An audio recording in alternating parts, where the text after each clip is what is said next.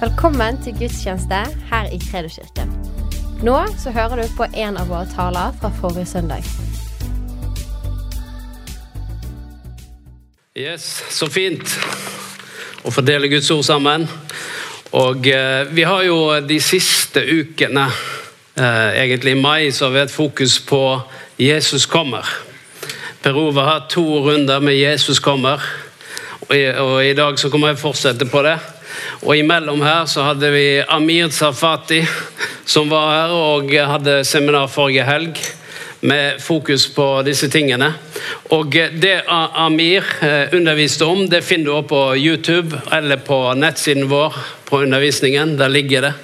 Sånn at eh, hvis du trenger å høre noe om igjen, eller ikke har hørt noe av det, så anbefaler jeg det å få med noe av den undervisningen som ligger der.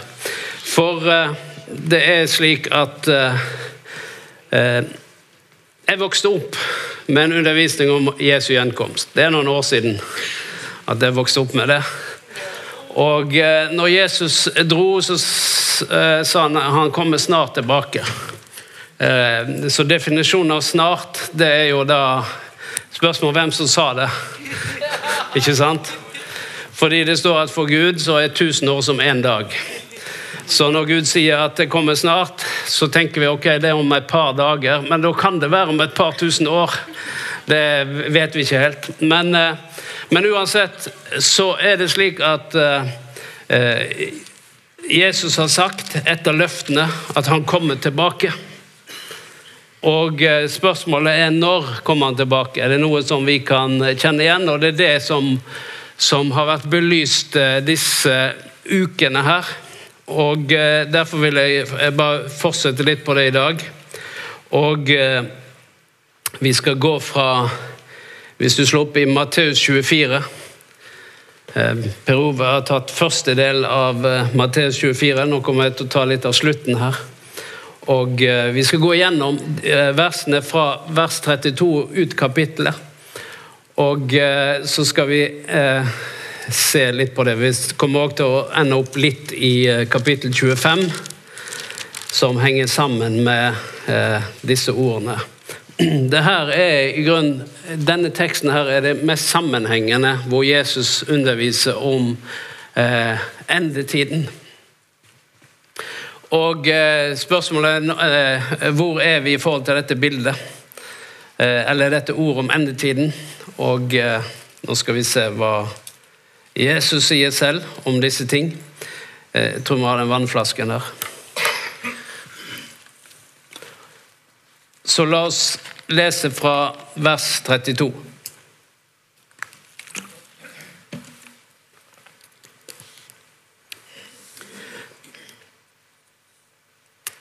Lær en lignelse av fikentreet. Når det får sevje grenene og skyter blad, da vet dere at sommeren er nær.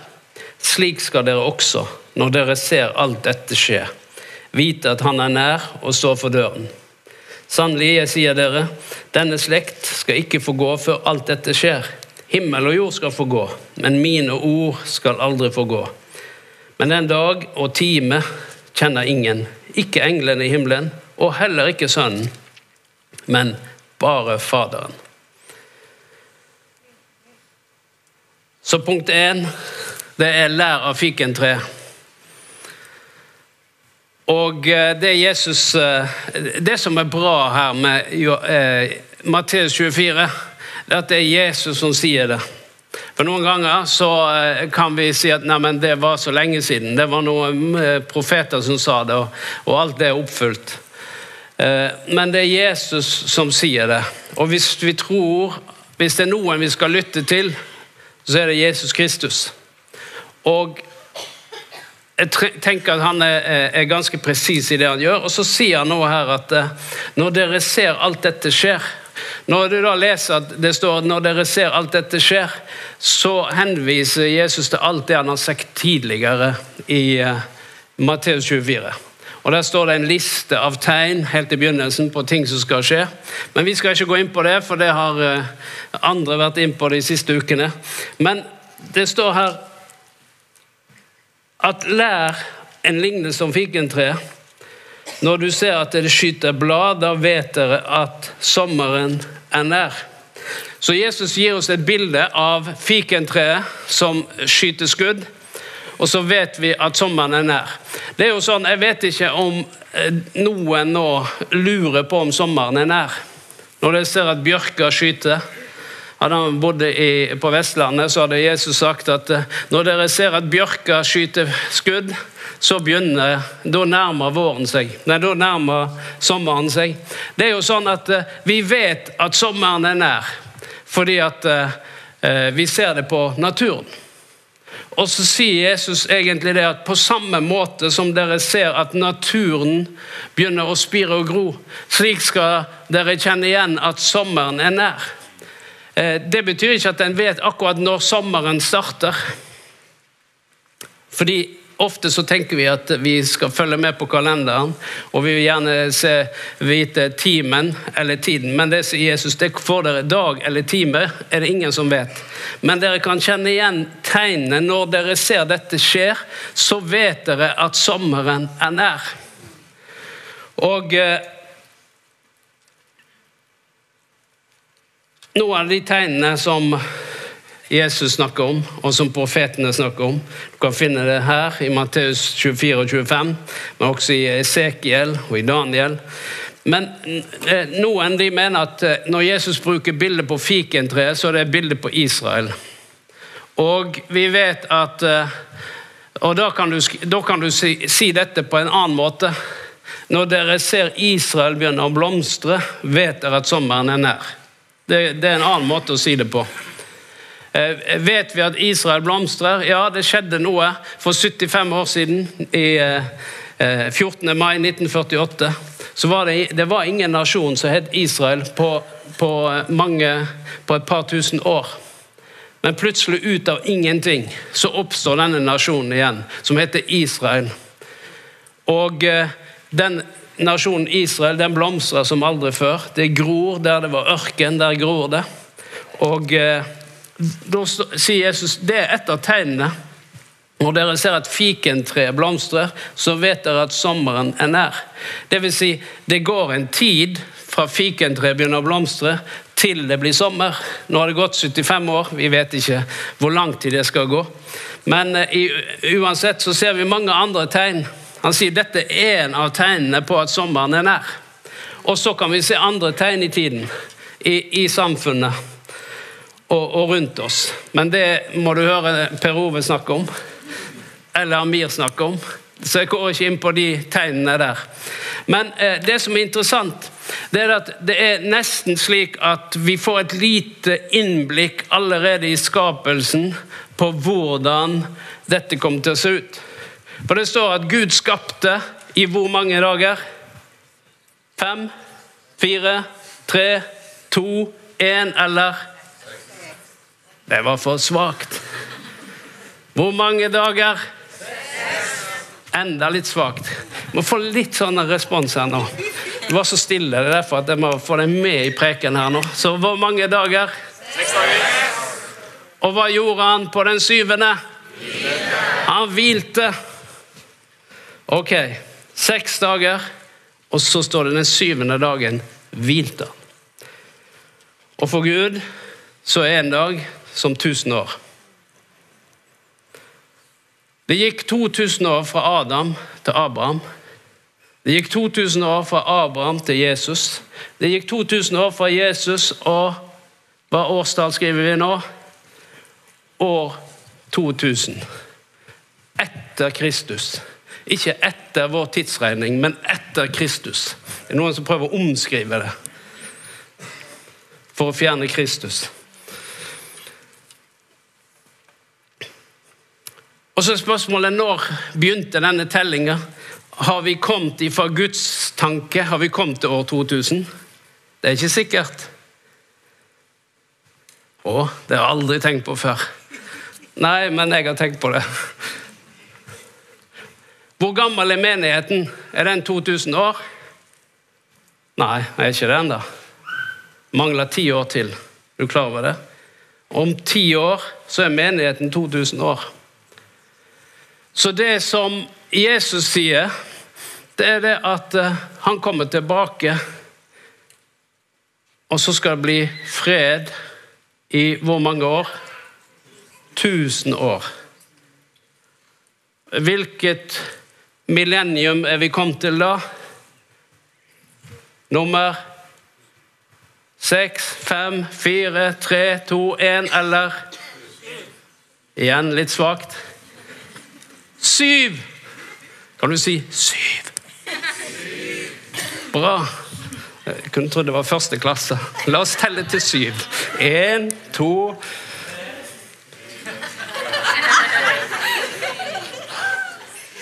Så fin, så flink.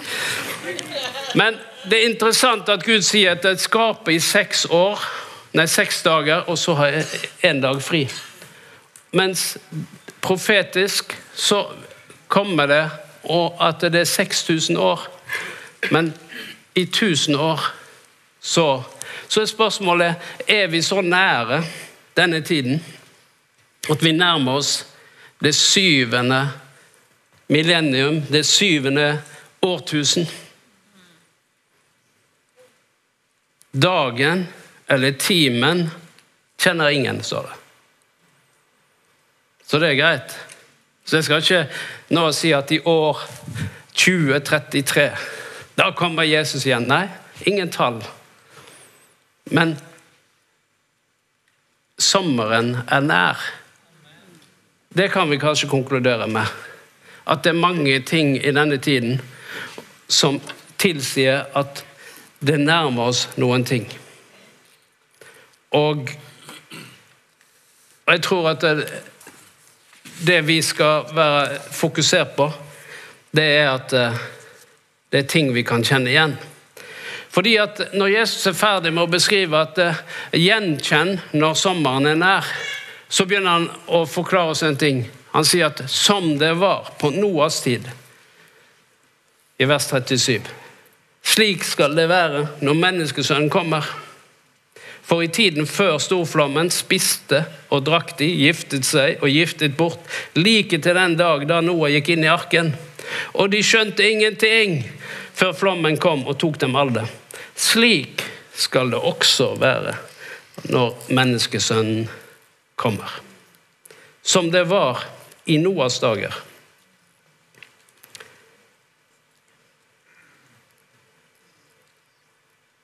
Er det det at det er feil å gifte seg og ta til ekte? Nei, han sier ikke det. Det er ikke det han sier, men han sier at det, alle de levde sine liv uten noen tanke på Altså, Da hadde de arken foran seg. Arken er et bilde på Jesus. Det er et bilde på menigheten. Hva var det de gjorde? Hva, eh, hvem er det Jesus han sier at 'jeg er døren'?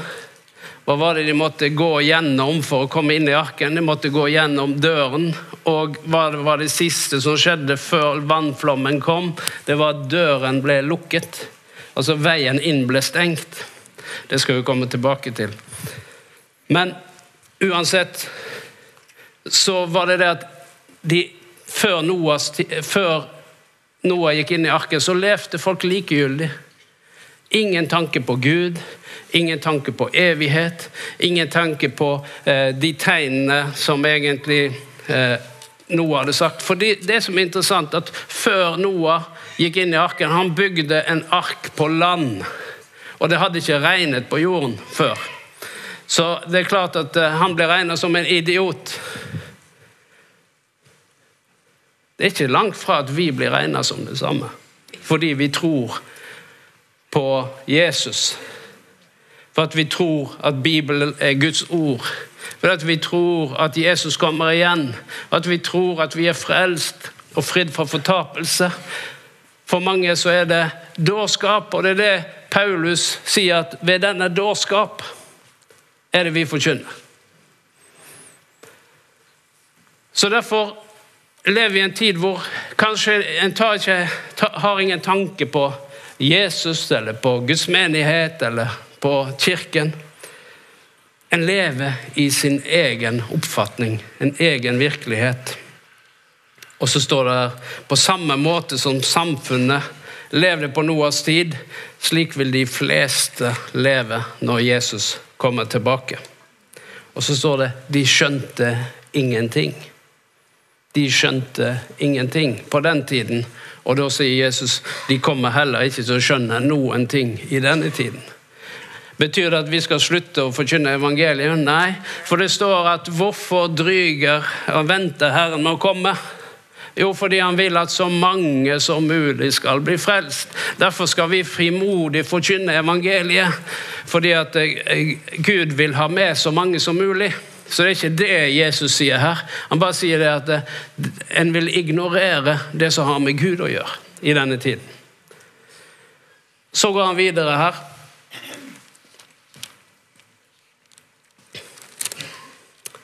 I vers 40 så står det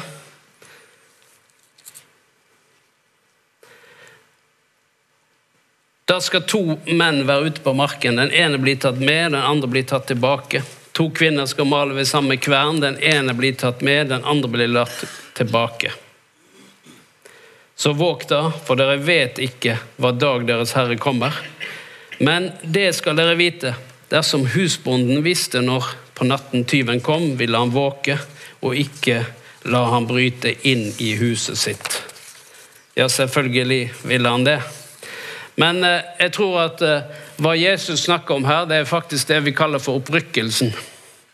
Fordi det er noe som skjer plutselig. Og det var det som han, han sier dette rett etter at han snakker om på Noas tid. Slik skal det være.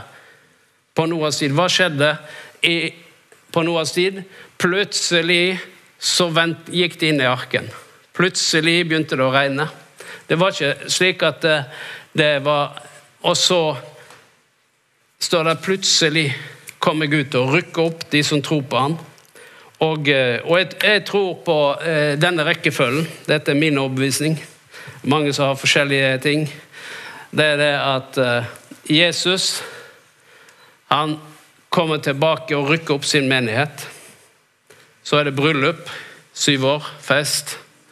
Og så kommer vi tilbake, og det er da Jesus setter sine føtter på Oljeberget. Dette har vært min overbevisning eh, lenge. Jeg har ikke sagt så mye om det, men dette har vært min overbevisning. Men eh, så sier jeg samtidig den som lever, får se. Så det er bare til å slappe av. Det er noen, De blir så nidkjære for dette før, under eller etter denne trengsel. Ok? Det er ikke det som er poenget. Poenget er at han kommer. Og det er et annet poeng, det er at vi må være våkne.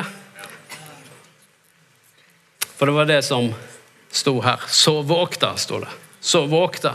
Det er det som er poenget. Vi må være våkne og leve i forventning om at han kommer. Jeg husker når jeg var ung gutt, så eh, Det var i 1977. Jeg hørte på Arild Edvardsen. Jeg tok min beslutning den sommeren på å følge Jesus. Men denne preken av Arild Edvardsen den husker jeg den dag i dag. Ikke ordrett alt, men mye av den. For han prekte om at som det var på Noas tid, slik skal det være når menneskesønnen kommer. Og så begynner han å dramatisere på hvordan det vil være når en menneskesønn kommer. Så plutselig så kommer det ekstra nyhetssending sier han det kom en ekstra nyhetssending på NRK. Det var bare NRK på den tiden. Ekstra nyhetssending hvor det står at vi, det er rapportert om forsvinninger over hele verden. Folk er forsvunnet, og de vet ikke hva som har skjedd. Og vi får rapporter fra hele verden om forsvinninger. Eh, og eh, vi kommer mer tilbake med dette. Vi vet egentlig ingenting, bortsett fra at det kommer rapporter om at mennesker er forsvunnet. Og du vet, vi satt jo der. Uh, det var jo spennende, og han dramatiserte. Og det var NRK, det var på nyhetene på radioen, sier han. Og det var NRK som sier det.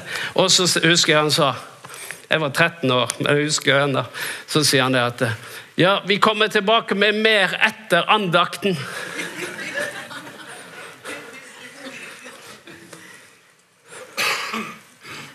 Så sier han ja, det kommer til å være andakt på radioen etter at Jesus har kommet igjen.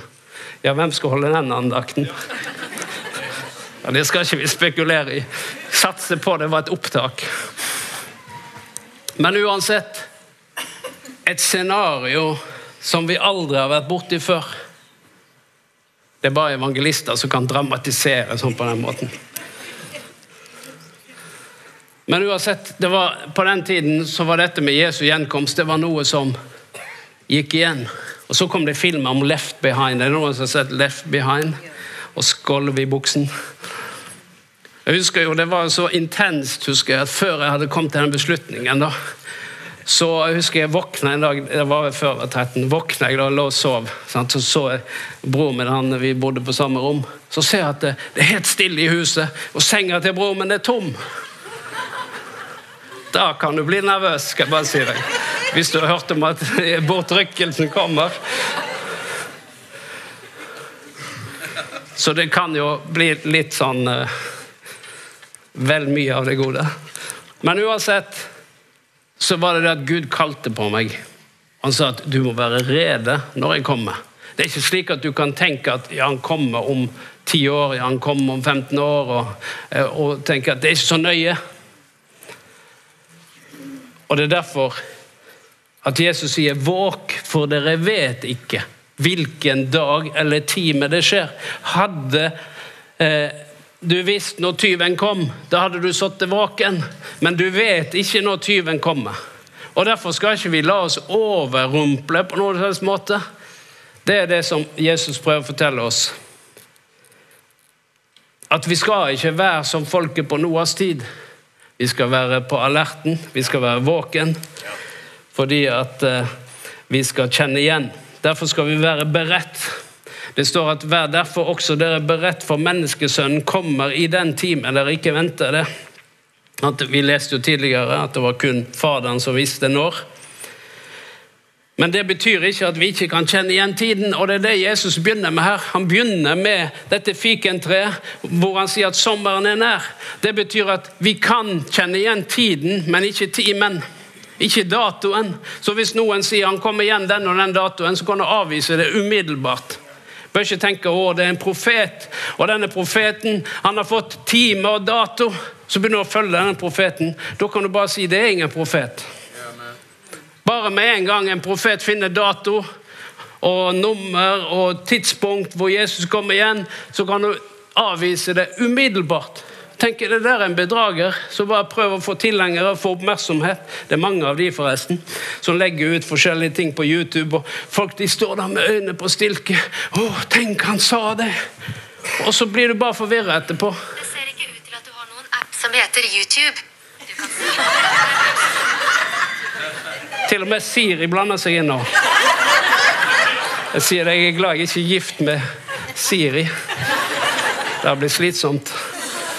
Men eh, i alle fall så står det at vi skal være beredt fordi at vi vet ikke tiden. Vi vet men, eh, tidspunktet, men vi kan kjenne igjen eh, tiden. Videre så står det Hvem er en tro og klok tjener som har betrodd oppsynet med de andre tjenerne, så han kan gi dem mat i rette tid? Det er den tjeneren som Herren finner i ferd med dette når han kommer tilbake. Lykkelig er han, sannelig jeg sier dere, Herren skal sette han over alt han eier. Her snakker han om en klok og tro tjener. Men så har han òg en dårlig tjener, en ond tjener. Og denne dårlige er den tjeneren som sier det varer lenge før min herre kommer. Og så gir han seg til å slå de andre tjenerne, ete og drikke sammen med drukkenbolter. Da skal tjenerens herre komme en dag han ikke venter det, og en time han ikke kjenner, og hogge ham ned, og han skal skjebne med hyklerne, der de gråter og skjærer tenner.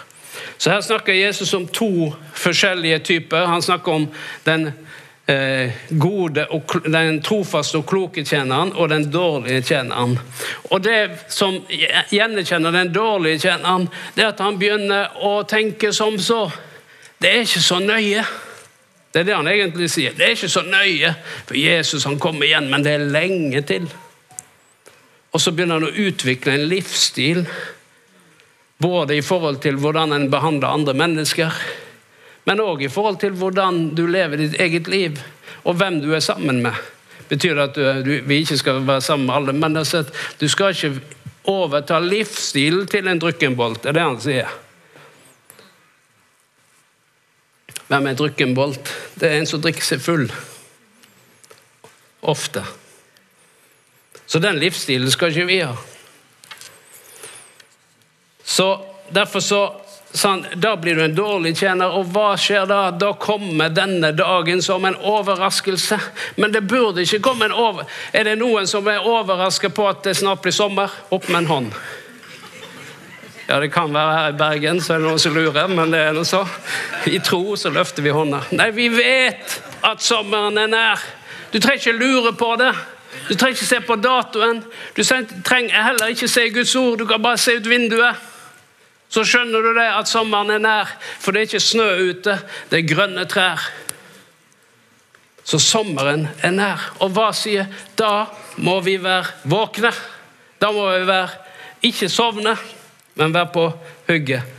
For den dårlige tjeneren tenker at Jesus drøyer med å komme. Hva er det å drøye?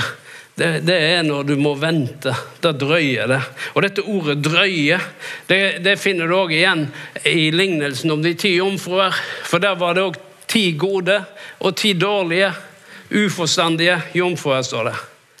Og hva var det som skjedde med, med der? Jo, det drøyde, står det. Da brudgommen lot vente på seg, slumret de alle inn og sovnet. Hva var ordet 'vente på seg'? Det er det samme ordet 'drøye' som blir brukt. Det samme ordet som blir brukt om denne dårlige forvalteren, for, forvalteren som tenkte at, at tjeneren som tenkte at 'det drøye til Herren kommer', står det egentlig på, på gress der. Og det samme her. Det drøyde før brudgommen kom. Og det er den tiden hvor det går fra at du begynner å vente, til at det drøyer. Da er spørsmålet hva skjer med våre liv mens vi venter? Jeg sa jo det at jeg vokste opp med at Jesus kommer snart. Det er snart 45 år siden, og litt mer. Jeg vokste opp med det. Men uansett så lever jeg fremdeles i denne forventningen, og jeg har større forventning til dette i dag enn fordi det, var nesten litt frykt når jeg kom inn i dette. Og litt sånn redsel. Men nå så er det en tro og forventning på den tiden vi lever i. Det skal være en god tid, det skal være en fantastisk tid, men det er også en tid med forventning. Hva skjer når du vet at brudgommen kommer? Da går du med forventning. Og det er det som skjedde der. I Matteus 25 så er det slik at det var fem kloke og fem uforstandige. Altså Jesus sier det, at det er noen som er kloke og noen uforstandige. Det var noe de hadde felles. Alle ventet på brudgommen. Det var felles for alle ti. Det andre var at alle hadde med seg en lampe. De skulle lyse opp fordi det sto at han kom med midnattstid, altså i tolvte time kom han, når det var natt og mørkt ute. Så alle hadde med seg lampe. Men det var én ting òg de hadde felles. Både de kloke og de uforstandige, alle slumret inn og sovnet. Betyr det at de var frafalne? Nei, det var fordi det var litt sent på natten, så de sovnet. Så bør ikke legge noe mer i det. Men problemet er når de, når de skjønner nå kommer brudgommen. Det er da forskjellen på disse viser seg. For noen hadde tatt med ekstra olje fordi det tok så lang tid. Og Da bruker Bibelen dette bildet på at de hadde forberedt seg på at selv om det ble litt ventetid, så var de klare for når Jesus kommer. Det var ikke slik at de da i full panikk, sånn som de fem andre Nå må vi på butikken og få tak på olje til lampene våre. Men mens de var på shopping, står det Mens de var på lagunen så kom brudgommen. Og når de kom tilbake, står det, så var døren stengt. Så var døren stengt. Betyr det at det, det, det er ikke opp til oss å bestemme når den døren stenger. Det står at det er bare Faderen som vet når denne tiden kommer hvor Jesus kommer tilbake. Så det han har bedt oss om, det er å leve våken og beredt. La oss lese fra 25, 10-13 der.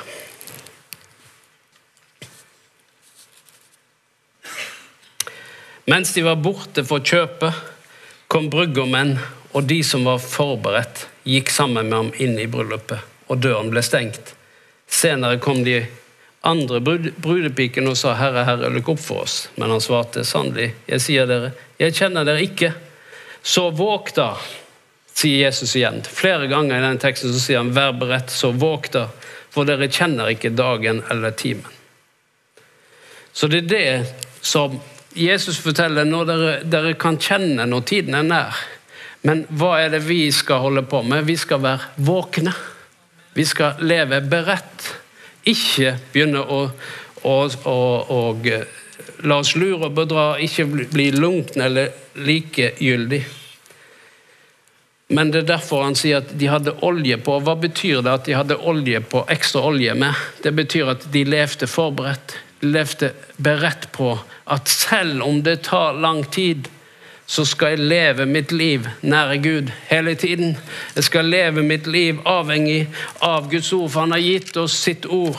Han har gitt oss hjelperen Den hellige ånd. Derfor vil jeg leve et liv sammen med Den hellige ånd. Han har gitt oss løfter om at han skal være med oss alle dager inntil når? Verdens ende. Det vil si at han skal være med oss hele tiden. Han kommer aldri til å svikte oss, han kommer aldri til å overlate oss til oss selv. Og så har han gitt oss menigheten, fellesskapet med de troende. Så har han gitt oss bønn, fellesskapet med Gud. Han har gitt oss alt dette for at vi skal leve i det. Og det er den måten vi holder oss våkne. Det er når vi lever nære Gud. Det var jo slik jeg sa at jeg tror på opprykkelsen. Og det ene er dette med at Jesus sier det er knytta til eh, arken, Noas ark. Så er det slik at han før vannflommen så tok han de rettferdige inn i arken. Og så stengte han døren. En annen ting er at eh, før Gud utsletta Sodoma, så tok han Lot ut av byen. Han sendte engler for å hente de ut. Og Abraham gikk i forbønn for Sodoma. Og Abrahams bønn var skal du utslette de rettferdige sammen med de ugudelige. Altså er det ingen forskjell? sier han. Jo, det er en forskjell. Og Det er derfor jeg tror at Gud kommer til å gjøre noe før det blir for ille med oss som tror. Det som vi skal gjøre, vi skal leve på alerten. Det betyr at vi skal ikke være nervøse, for vi trenger ikke ha noe å frykte. Vi skal leve frimodig. Vi skal leve frimodig og forventningsfull. Vi skal leve i tro fordi at Gud har omsorg for han, og han har sagt han skal være med oss alle dager. Og så må vi skille på forfølgelse og trengselstid. For Noen ganger så blander vi de to. Ja, men, ja, Jesus har lovt at vi skal få forfølgelse, men når han definerer den tiden av den store trengsel, så bruker han helt andre ord. Helt andre eksempler. Så Derfor så er det forfølgelse vil vi ha helt fram til den dagen vi eh, er i himmelen. Om vi dør eller blir rykket opp, så kommer vi til å ha forfølgelse. Men derfor så er det slik at det kommer til å øke på.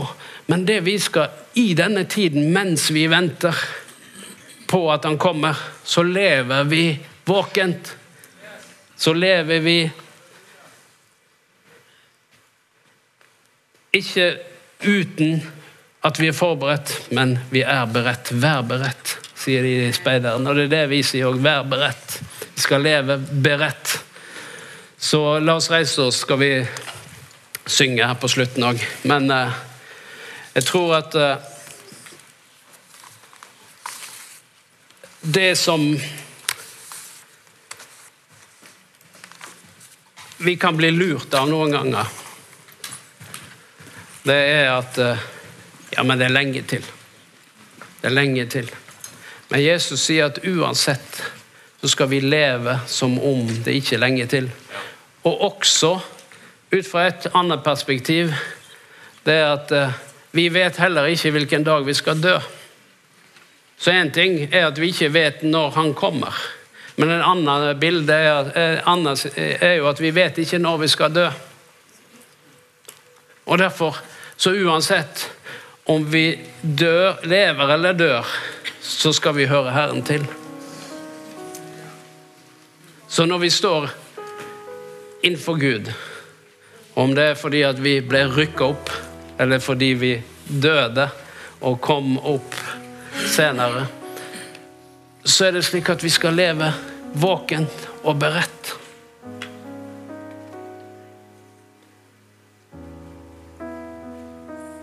For ingen av oss kan bestemme heller den dagen vi skal dø. Og den kan komme på et annet tidspunkt enn vi hadde tenkt. Enn vi hadde trodd. De fleste lever til de er 80-90. Men noen dør før tiden. For tidlig. Men uansett, om vi lever eller dør, så hører vi Herren til. Det er den friheten vi har. Derfor så frykter vi heller ikke døden. Vi frykter ikke framtiden.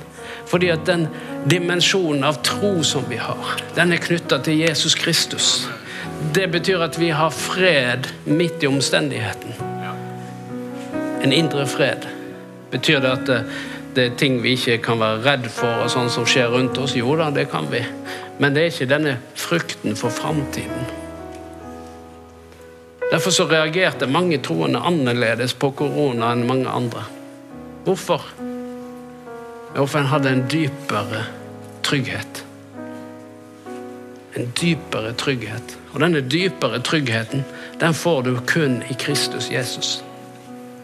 Denne tryggheten på hva skjer om jeg dør i morgen, den finner en kun i Kristus Jesus. Denne tryggheten på om Jesus kommer igjen, om det så er i morgen, så er jeg overbevist om at jeg kommer til å være med den dagen han kommer. Den overbevisningen den skal vi leve i. Vi skal ikke lure på det. Ja, noen de lurer jo på om de er frelst. De har tatt imot Jesus 15 ganger og fremdeles lurer på om de er frelst. Nei, har du tatt imot Jesus og sier at 'Jesus, du er min Herre', da har du akseptert han i ditt liv. Men så må vi ikke sovne, men være våkne. Vi skal ikke vike av fra den kursen vi har tatt. Det kan være at eh, kanskje det er noen som ser på. Kanskje du er usikker på om du har tatt imot Jesus. Du vet ikke hva morgendagen bringer. Du er, hva skjer hvis du dør? Det kan du få orden på her og nå. Du kan si der du sitter, at Jesus Kristus ønsker å overgi mitt liv til deg og gjøre deg til Herre i mitt liv. Tilgi meg min synd og frels meg. Så enkelt er det å gå igjennom denne døren. Det er ikke vanskelig. Det har ikke med hvor flink du har vært, hvor dyktig du har vært, hvor god og snill du har vært. Nei, det har med hva Jesus gjorde. Og det gjelder for oss som er her òg. Kanskje du lurer på har jeg gått igjennom denne døren. Hvis du er usikker på det, så må du la denne tryggheten lande i ditt liv og si Jesus Kristus, jeg ønsker å overgi mitt liv til deg. Jeg vil gjøre det her og nå. Jeg vil ikke utsette det til i morgen, jeg vil ikke utsette det en dag til. Men jeg vil gjøre det her og nå. Så hvis vi bare lukker øynene nå, så kan det være at eh, du faktisk er i rommet her, og du har lyst til å si nei, det, du snakker til meg nå. Du snakker til meg nå. Da kan du løfte opp hånden din akkurat nå, sånn at du gir det som et tegn til Gud og mennesker at nå overgir jeg meg til deg, Jesus.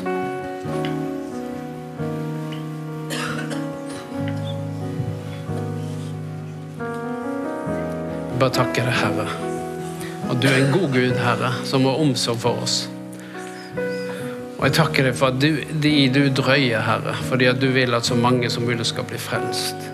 Og vi lengter, Herre, og etter å se at flere kommer til tro. Derfor ber vi for byen du har satt oss i. Vi ber for Bergen, Herre. Vi ber for Norge, Far. Vi ber, Herre. La ditt ord gå ut, Herre. La ditt folk være frimodig, Herre. La evangeliet gå fram. La oss se, Herre, at mennesket får fred med deg og finner deg, Herre, i tiden som kommer. Vi ber om det, Far, i Jesu Kristi navn. Så takker jeg deg, Herre, for at du har gitt oss dette løftet om at du skal være med oss alle dager. Vi takker deg, Herre, for dette løftet om at eh, du ikke skal svikte oss, men at du skal ta oss til deg. Du gikk bort for å forberede rom for oss, Herre. Og så kommer du tilbake for å ta oss dit som du er. Vi bare takker deg for det, Herre. Takk for at vi får leve i denne dimensjonen. Og vi ønsker bare å takke deg, Jesus, igjen for at du har frelst oss. Du har kjøpt oss. At du har gitt oss framtid og håp. Både i denne verden og i den kommende verden. Vi takker deg for det. I Jesu Kristi navn. Amen. Tusen takk for at du lyttet. Følg oss gjerne på Instagram og Facebook, og så snakkes vi neste uke.